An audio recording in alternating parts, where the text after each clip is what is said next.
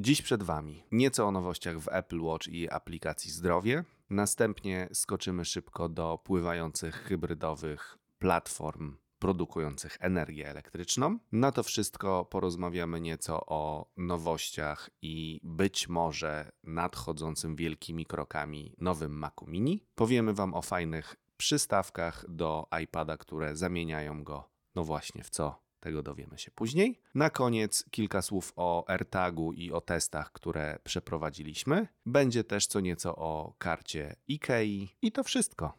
Do usłyszenia.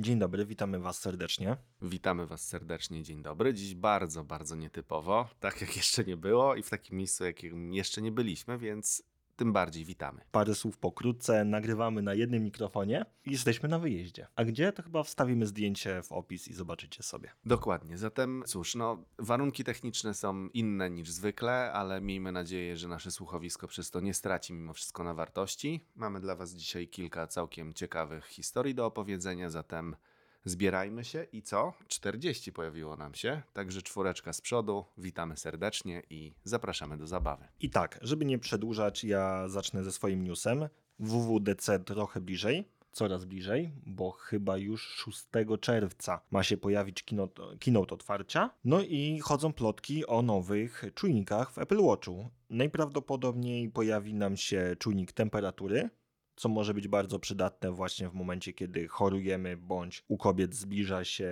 okres, zmienia się ten cykl, a także, co może się pojawić, czujnik ciśnienia. Samsung już to ma od jakiegoś czasu, ale szczerze mówiąc nie zagłębiałem się, jak bardzo precyzyjne jest to rozwiązanie. Z tego, co mi się wydaje, ja czytałem gdzieś, dotarłem do takich informacji, jeżeli chodzi o ten pomiar ciśnienia tętniczego. Jest całkiem nieźle, ale oczywiście lepiej dla osób, które noszą na lewej ręce zegarek niż na prawej. To, to akurat wiadomka. No więc ja czekam, bo też y, miałem nadzieję, że przełomem jednak będzie pomiar poziomu glukozy we krwi, o czym też już kilkukrotnie słuchy docierały, jeżeli chodzi o funkcjonalności w nowym Apple Watchu. Nie zmienia to faktu, że jeżeli będzie i temperatura, i ciśnienie, to i tak będzie fajnie. Tak, i mnie to najprawdopodobniej zmusi do zmiany urządzenia, a z software'owych rzeczy najprawdopodobniej pojawi się lepszy sleep tracking oraz przypomnienie o wzięciu pigułki. Tak, to też fajna historia. Jeżeli health ma się mocno rozwijać i wspierać nas dalej, a jednak wykorzystujemy coraz częściej tego typu aplikacje, przynajmniej my dwaj, do, do, do naprawdę różnorakich celów. Oczywiście zawsze dbając o nasze zdrowie na koniec. To będzie miło, ja, bo zmusi cię to do zmiany urządzenia, czy skusi? Bo mnie bardziej skusi. Zachęci. Okej. Okay. No i tak, Tomasz, ja bym bardzo chciał posłuchać o tym twoim e, newsie odnośnie... Mm, no, właśnie. No. Odnośnie czego? Widzicie, wiecie co? Dobra.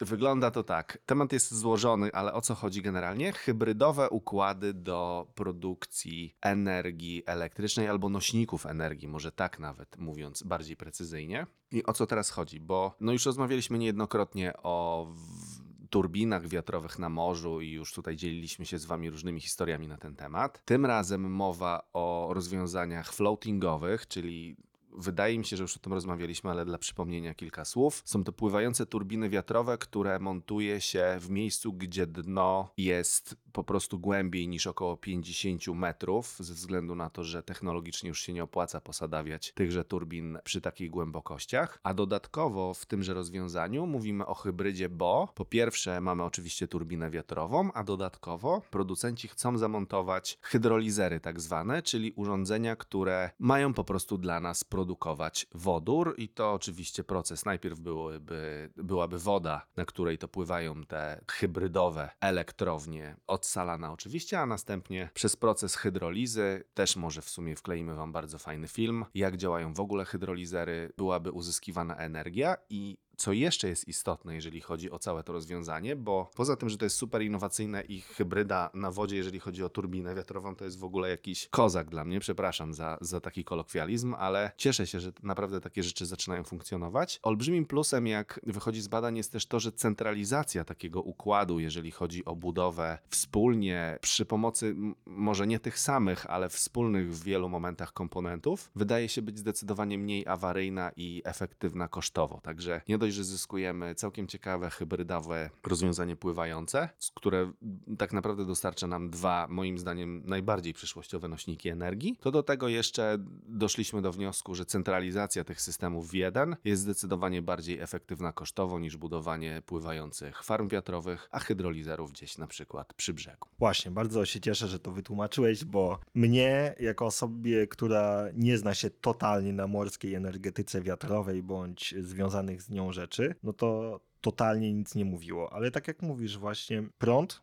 i ten wodór, gdzie mamy jeden już e, seryjnie produkowany samochód Toyota Mirai. No i pytanie, czy taki wodór bezpośrednio mógłby ją zasilić, oczywiście po przetransportowaniu w odpowiednie miejsce, czy jeszcze jakieś obróbce musi być poddany. Według mojej najlepszej wiedzy to już jest wodór, który może być wykorzystywany śmiało jako paliwo, więc oczywiście nie tylko dla aut, bo wydaje mi się, że przyszłością też zaczyna być to, jeżeli tylko uda nam się spowodować, że ta technologia będzie zdecydowanie bardziej bezpieczna, bo, bo, bo to moim zdaniem jest na razie naj największy bloker, to urządzenia, które będą w jakiś sposób zasilane w ogóle wodorem, będzie ich zdecydowanie więcej, aczkolwiek z drugiej strony pamiętajmy też o tym, że sam wodór, nawet jeśli nie miałby być bezpośrednio paliwem, no to też jest doskonałym nośnikiem do przechowywania energii, bo później odwrócony proces odzyskiwania z wodoru elektronów jest też całkiem fajnie opracowywany i wydaje mi się, że wiele magazynów energii będzie właśnie zasilanych takim wodorem. No to ja mam teraz dwa tematy, które pozwolą nam tą energię wykorzystać. Mianowicie okazało się, że pojawił się dokument wsparcia Apple odnośnie nowych ładowarek. No wszyscy tutaj nowe ładowarki, no, nowe ładowarki, panie, po co to komu? Ale sytuacja jest taka, że w końcu po raz pierwszy dostaniemy certyfikowaną od Apple'a ładowarkę na dwa razy USB-C, która jest malutka. Jest e, wykonana w nowej technologii, tak zwanego azotanu glinu i dzięki temu one są dużo mniejsze i ładowarka, która najprawdopodobniej będzie miała 35 W, będzie rozmiaru mniejszej kostki, która jest ta 5W dodawana, przepraszam, była dodawana swojego czasu do urządzeń. Oczywiście dokument bardzo szybko zniknął, no i wydaje mi się, że taka ładowarka będzie fajnym rozwiązaniem do urządzeń Apple'owych, które niestety dalej wolno się ładują. 13 Pro Max potrafi przyjąć w szczycie 27 W, no co jest śmiesznym rozwiązaniem, gdzie chyba ostatnie Oppo albo Reno pokazywało smartfon, który ładuje się 120 150 W potrafi przyjąć w szczycie i od 0 do 80% ładuje się w 3 czy 5 minut. No i z czym do ludzi? Pytanie tylko, jak wtedy zachowuje się wytrzymałość tych ogniw, no bo póki co fizyki nie jesteśmy w stanie oszukać. Obyśmy nigdy nie byli w stanie oszukać fizyki, ja bym naprawdę chciał, bo bo to, bo to mimo wszystko byłoby już bardzo niepokojące, ale zgoda, rzeczywiście przydałoby się coś takiego, jeżeli chodzi o taką ładowarkę, a oczywiście o ładowaniu się urządzeń Apple, to, to wydaje mi się, że nawet nie trzeba rozpoczynać tego tematu teraz, albo nie powinniśmy, a zostawić sobie na dłuższą rozmowę na ten temat. Dokładnie, nie mówmy o czymś, co praktycznie nie działa. Druga kwestia, mianowicie widziałem ostatnio Studio Display, byłem w niedzielę handlową na zakupach, a także w kinie i słuchajcie, poszedłem do iSpotu, był ten studio display. Jakie to jest kurna grube. To po pierwsze.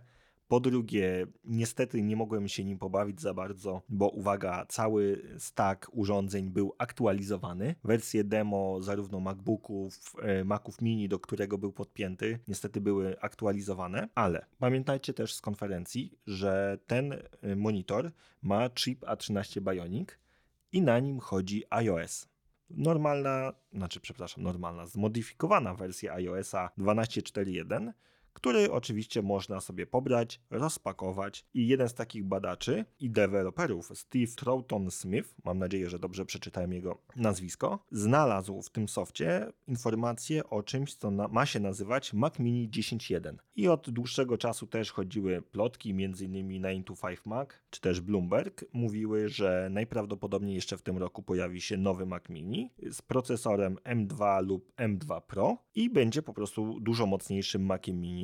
Pytanie, czy ten M2 Pro będzie mocniejszy w jakimkolwiek stopniu od M1 Ultra? No bo patrząc na przyrost, jaki Apple pokazuje w każdej kolejnej generacji urządzeń, no to jest to bardzo możliwe. Dlaczego moim zdaniem nowy Mac Mini jest potrzebny, a nie wszyscy powinni się przesiadać na Maci Maki, Maki, Maki Studio, już mi wypadł z głowy. Mianowicie są takie firmy jak m.in. Mac Stadium, którzy posiadają w swojej ofercie i w centrach danych 22 tysiące Maców. I jest to, widziałem właśnie w slotach, y, gdzie idealnie pasuje Mac Mini. On jest tam lekko pochylony, czy nawet znajduje się idealnie prosto. No i można sobie wynająć takiego Maca Mini do obliczeń, do testów, whatever, co potrzebujesz. I właśnie widziałem też porównanie, że niestety Mac Studio nie wejdzie w tą wnękę. Więc przerabianie kilkuset szaf rakowych, żeby zmieściło się Mac zmieścił się Mac Studio, no jest bez sensu. A w tym wypadku wymiana takiej M1, nawet jak pewnie posiadają na M2, która najprawdopodobniej wydziela mniej ciepła, jest szybsza, może być tylko z plusem dla nich, no bo nie potrzebują chociażby takiej mocnej klimatyzacji dla tych szaf serwerowych, które się ich, w ich data center znajdują. No, cieszę się, że odpowiedziałeś na pytanie, do czego nowe Maci Mini byłyby potrzebne i komu. O samym Mac Stadium to chętnie sobie poczytam, bo nie, nie, nie, nie znałem tego, więc miło. No i cóż, dokąd teraz przechodzimy? Przechodzimy do nowego standu mm, na iPada. Szczerze, ja pierwszy raz z czymś takim się spotkałem. Mianowicie firma Block potrafi stworzyć stand, w którego wpinasz podstawowego iPada, iPada R trzeciej generacji, bądź iPada Pro 10,5 i on działa jako terminal posowy, który potrafi obsługiwać płatności zbliżeniowe przez Apple Pay, kartą, czytniki magnetyczne które działają co prawda dopiero po zakupieniu dodatkowego czujnika, ale jak wchodziłem na stronę blog, można go zamówić sobie za darmo. I tym sposobem mamy przenośny terminal posowy, który kosztuje 169 dolarów bez podatków. Więc moim zdaniem, gdyby coś takiego było w Europie dostępne, moim zdaniem byłoby bardzo dobrym rozwiązaniem. Tylko niestety, z tego co widziałem, blok liczy sobie chyba 2,6% do każdej transakcji plus 10 centów.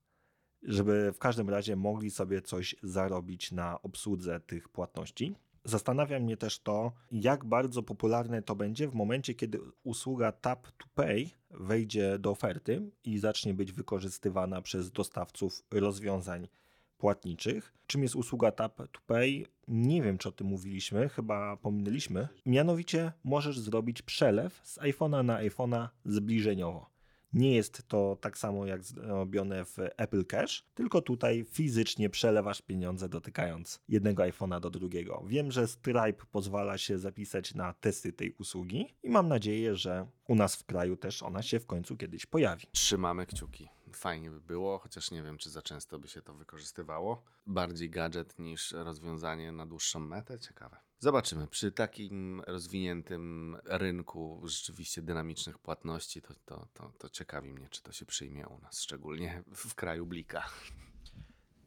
Tak, poza tym często ludzie używają w naszym kraju terminali SAMAP, które możesz sobie zamówić do domu, parujesz go tylko z aplikacją mobilną i możesz zarządzać tymi płatnościami zbliżeniowymi przez to urządzenie, ale patrząc na taki zacofany kraj jak Stany Zjednoczone, kiedy mówimy o płatnościach zbliżeniowych, dla nich wydaje mi się, że jest to po prostu błogosławieństwo. Pytanie tylko, czy te prowizje nie odstraszą ich od wdrażania tego na masową skalę. Być może efekt efekt skali spowoduje, że zmniejszą się mocno te prowizje, więc zakładam, że to też tak może być i tak może być ten biznes skalkulowany. No dobrze. Czy my mamy jeszcze jakieś newsy, czy poopowiadamy o AirTagach?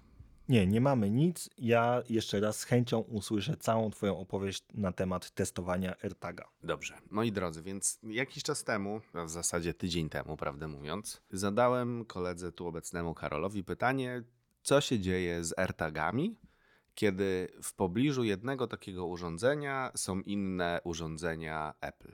Doszliśmy do wniosku, że nie wiemy, jak to się będzie zachowywać, a ja też, jakby chcąc spróbować to przetestować, nie, nie chciałem się sugerować tym, co mówi o urządzeniu sam producent, i postanowiłem sprawdzić coś takiego, tym bardziej, że każdego dnia używam dwóch różnych Apple ID, które są w zasadzie cały czas obok siebie. No więc nabyłem drogą kupna takiego AirTaga. Skonfigurowałem go sobie z jednym z moich Apple ID, no i miałem przy sobie to urządzenie, Mówię o AirTagu oczywiście, plus dwa urządzenia i więcej, które były zjednoczone przy moich obu Apple ID i w zasadzie to przez jeden cały dzień nosiłem przy sobie. Jak się zapewne domyślacie, nic wielkiego się nie działo. Ale przyszedł pewny piękny dzień weekendu i wtedy, mając przy sobie, uwagę zaznaczam, urządzenie AirTag i mając przy sobie urządzenia Apple, które były w innym Apple ID nieskojarzonym z tym AirTagiem, zacząłem się przemieszczać po moim pięknym Gdańsku. No i wydaje mi się, że minęło mniej więcej około półtorej godziny. W momencie, kiedy pierwszy raz AirTag, który był cały czas ze mną w kurtce, w zasadzie nawet jak, że tak powiem, jej nie miałem na sobie, to była bardzo blisko mnie i mojego telefonu, zaczął wydawać dźwięki pierwszy raz, nie wyświetlając żadnych komunikatów na urządzeniu. No i następnie po przemieszczeniu się dalej y, z tym AirTagiem, który przestał już wydawać te dźwięki po pewnym czasie, ja, ja w żaden sposób nie mogłem tego uspokoić, no bo nie miałem ze sobą urządzenia, z którym był skojarzony. Dotarłem do domu,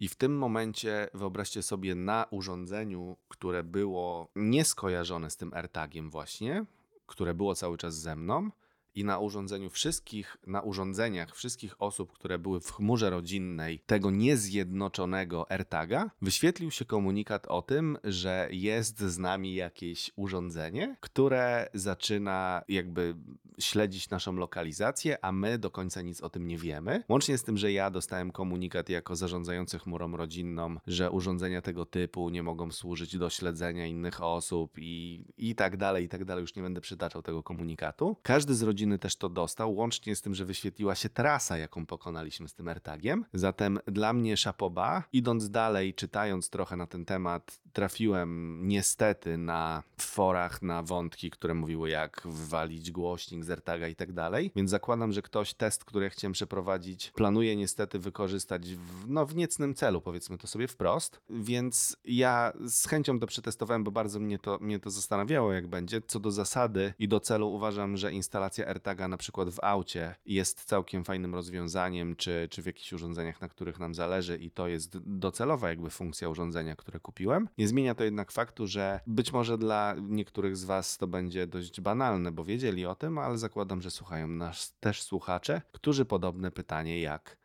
ja, jak my sobie zadawali. A to wszystko dlatego, Tomasz, że utrudniasz sobie życie, używasz dwóch różnych Apple ID, które nie są spięte z chmurą rodzinną. Nie no, śmieję się, ale no tak, ja też byłem właśnie ciekawy, jak się zachowa ten AirTag i zastanawiam się też, chociaż nie, to już odpowiedziałeś na moje pytanie. W momencie, kiedy nawet ze mną będą osoby, które są w rodzinie, znaczy w mojej chmurze rodzinnej i AirTag będzie spięty do konta osoby z chmury rodzinnej, nie powinno chyba być żadnych informacji o śledzeniu. No nie, no bo, no, no, no, bo, no bo w tym momencie ja mam swojego AirTaga spiętego i, i mam go po prostu nazwanego jako plecak, w którym rezyduję, no to po prostu in, zakładam, że inne osoby, bo prawdę mówiąc nie sprawdzałem, ale za, widzą po prostu w aplikacji Find My to co ja, czyli mamy itema, który jest nazwany moim plecakiem i, i jakby jest już skojarzony i, i wszystko jest ok. Nie wiem oczywiście, co by się działo, Gdybym na przykład y, przekazał którejś z mojej członkini rodziny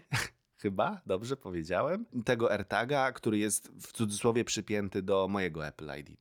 Te, tego nie wiem, co by się działo. Może takie testy jeszcze przede mną. Zrób proszę, bo ja jestem ciekaw, ale oczywiście wcześniej trzeba poinformować osobę śledzoną. Tutaj mówię, to jest dla nas oczywiste, ale zaznaczam to jako disclaimer, żeby nikt nam czegoś nie sugerował. Rozumiem, że dalej masz przypięty do tego Apple ID, który nie jest skojarzony z chmurą rodziną. Nie, przepiąłem. A, przepiąłeś, no właśnie. No dobra, no to nie będzie wyświetlało, na pewno. Więc jakbyś go znowu przepiął do swojego nieskojarzonego, no to wtedy na pewno będzie wył. Ja czekam na jakąś promkę, bo wiem, że jak kupię jednego, to za tydzień kupię drugiego, więc czekam na promkę czteropaków, które się często pojawiają w różnych RTV Euro AGD i będę na pewno zamawiał. Y, poproszę o uwzględnienie mnie w tym zamówieniu. Oczywiście. No i tak, mamy coś jeszcze? Jakieś newsy? Ja mam jednego tipa. Mm, ostatnio, inaczej, to będzie moja polecajka. Ostatnio bywam w pewnym niebiesko-żółtym sklepie spod, spod Szwecji, ze Szwecji i bardzo duży problem miałem z uruchamianiem karty IKEA Family. Dlaczego? No bo trzeba wejść w aplikację, trzeba kliknąć w swój login, pokaż kartę, dużo klików, które są niepotrzebne. No i stwierdziłem, że dodam sobie ją do Apple Wallet. Oczywiście w samej aplikacji nie ma takiej funkcjonalności, no i zacząłem szukać rozwiązań. Oczywiście są aplikacje typu Apple Pass to Wallet, w każdym razie mogę Wam wkleić, bo tak mam dodaną m.in. kartę z Biedronki. No i okazuje się, że można dodać w autoryzowany sposób, bez żadnych zabaw, kartę IKEA. Jak to trzeba zrobić? Trzeba się na iPhone'ie zalogować na IKEA.com, przejść w zakładkę Twoja karta IKEA Family i jest piękny przycisk Dodaj do Apple Wallet. Szczerze, znalazłem to na czeskiej stronie IKEA i dopiero krok po kroku sobie przeszedłem w języku angielskim, no bo szczerze mówiąc, nigdzie nie widziałem indziej możliwości ani żadnej instrukcji, jak dodać tą kartę. Pozdrowienia dla naszych sąsiadów z południa. No cóż, kocham Czechów, więc nie dziwi mnie to, że tak szczegółowe informacje znalazłeś właśnie tam. Tak, ja jestem na jednym z forum podcastowych i jest tam taki chłopak Tadek, który mm, właśnie przeprowadził się do Pragi i jego wątek odnośnie problemów z Ikeą czeską to jest y, maraton płaczu i troszeczkę śmiechu na koniec. Dobrze, moi drodzy, ja polecajki dzisiaj nie mam niestety dla Was. Pracuję nad czymś większym. Mam nadzieję, że się uda, więc Cóż, dziękujemy bardzo za dzisiaj. Zapraszamy Was do zostawienia nam oceny w Apple Podcast oraz Spotify. I co, chyba do usłyszenia za tydzień. Do usłyszenia.